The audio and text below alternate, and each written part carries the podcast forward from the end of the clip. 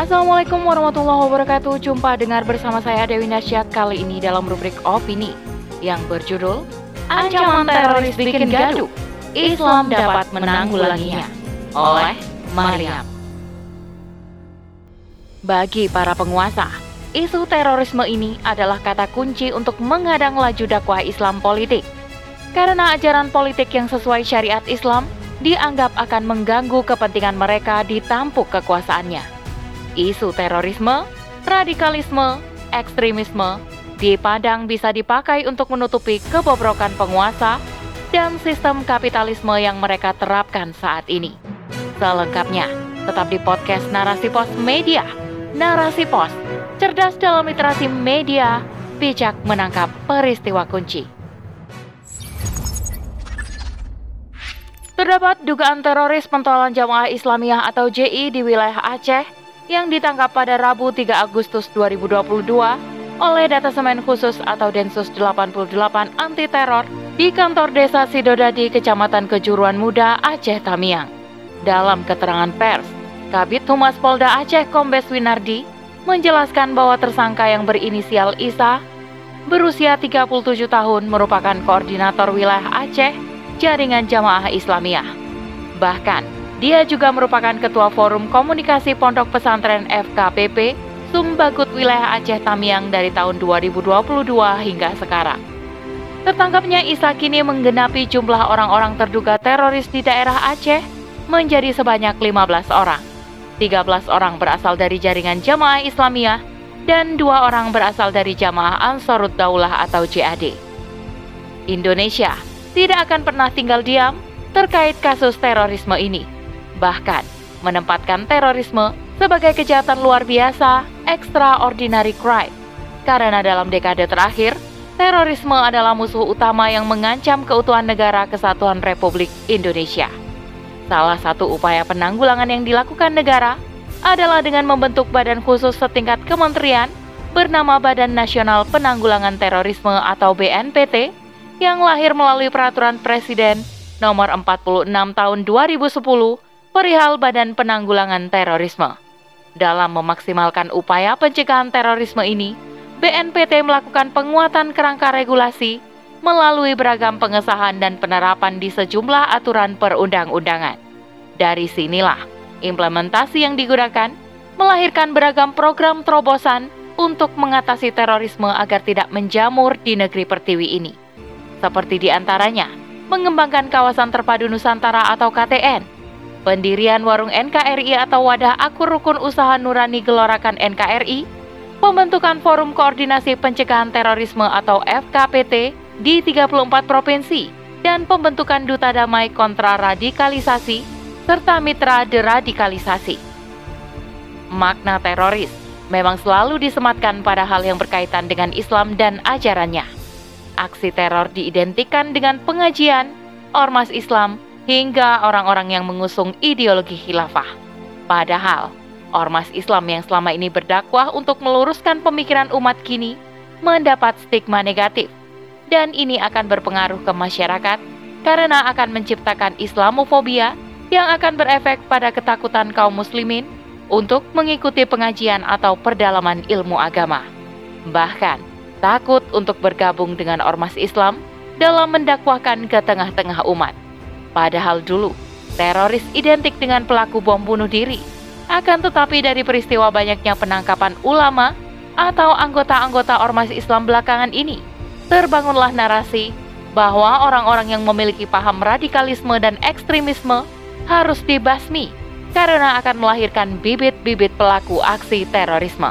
Narasi inilah yang dibangun BNPT dan Densus 88 untuk menangkap orang-orang yang dipandang memiliki paham radikal atau ekstrim meski tidak ada aksi teror. Sangat miris. Dan ini fitnah luar biasa yang dinobatkan pada Islam. Ormas Islam yang merupakan salah satu tempat lahirnya para ulama yang mengajari tentang kebaikan malah mendapat kriminalisasi. Ini semakin dimasifkan setelah peristiwa bom WTC pada 11 September 2001. Barat tidak ingin umat Islam bangkit kembali, sehingga dilakukannya aksi propaganda untuk memasifkan Islamofobia kepada seluruh elemen masyarakat, sehingga umat Islam pun bahkan takut dengan ajarannya sendiri. Bagi para penguasa, isu terorisme ini adalah kata kunci untuk mengadang laju dakwah Islam politik, karena ajaran politik yang sesuai syariat Islam dianggap akan mengganggu kepentingan mereka di tampuk kekuasaannya. Isu terorisme, radikalisme, ekstremisme dipandang bisa dipakai untuk menutupi kebobrokan penguasa dan sistem kapitalisme yang mereka terapkan saat ini. Padahal Allah Subhanahu wa taala menurunkan syariat Islam untuk menjaga manusia dari kerusakan dan memberikan keselamatan baik di dunia maupun di akhirat kelak. Padahal di dalam Islam, penerapan toleransi antar umat beragama dengan tidak mengganggu penganut agama lain untuk beribadah sesuai keyakinan mereka pernah terekam dalam sejarah selama 14 abad lamanya. Sejatinya, aksi terorisme ini sangat bertentangan dengan Islam. Teror dalam arti mengganggu kenyamanan, keamanan, dan keselamatan orang lain jelas tidak pernah diajarkan. Karena Rasulullah mencontohkan agar kita bisa berkasih sayang bukan hanya kepada manusia namun kepada hewan dan makhluk hidup lainnya. Bahkan perihal dakwah, cara yang dilakukan oleh Rasulullah adalah dengan cara yang baik, tanpa paksaan dan secara manusiawi. Tidak ada bentuk kekerasan, bahkan bentuk tindakan kriminal untuk memberikan pengajaran Islam.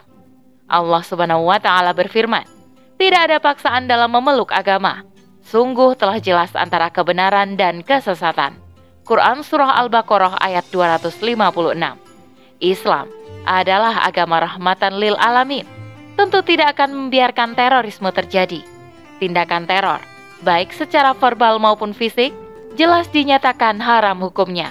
Sebagaimana Rasulullah dalam sabdanya, siapa saja meneror orang Islam demi mendapatkan ridho penguasa, maka dia akan diseret pada hari kiamat bersamanya.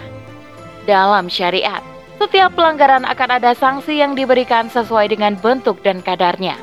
Jika tindakan teror dilakukan menyebabkan hilangnya nyawa orang banyak, maka menurut mazhab Imam Syafi'i, dia wajib dibunuh dan diharuskan membayar diat kepada seluruh keluarga korban karena nyawa yang dia renggut lebih dari satu.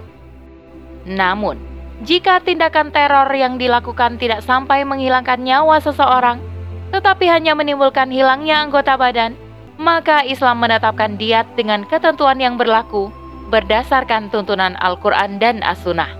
Demikian juga jika ada harta yang dirusak ataupun kehormatan wanita yang direnggut, semua ada balasan sanksi yang akan ditetapkan untuknya. Adapun terorisme yang merusak keamanan negara, maka kebijakan dalam sistem khilafah akan diambil sesuai hukum syara. Jika pelaku aksi teroris ini adalah orang yang mengemban dan menyebarkan paham sesat, baik dengan mengatasnamakan Islam maupun tidak, jika dia Muslim, maka dia harus bertaubat dan diberi waktu selama tiga hari. Namun, jika dia menolak, maka harus dibunuh. Terhadap pemberontak, baik melakukan aksi perusakan, pembakaran, sabotase dan menghancurkan pos-pos vital dalam negara, atau serangan terhadap kepemilikan individu, umum dan negara, namun tidak mengangkat senjata, maka mereka harus dihentikan oleh pihak keamanan khilafah yang berwenang secara adil untuk memberikan hukuman. Inilah sistem khilafah yang menolak aksi terorisme bukan mendukung aksi tersebut dengan tuduhan fitnah yang dilontarkan oleh kaum sekuler. Sejatinya, Islam adalah agama yang damai dan pasti menegakkan kedamaian yang berlaku sesuai tuntunan syariah. Wallahu a'lam bisawab. Demikian rubrik opini kali ini. Sampai bertemu di rubrik opini selanjutnya. Saya Dewi Nasyak undur diri. Assalamualaikum warahmatullahi wabarakatuh.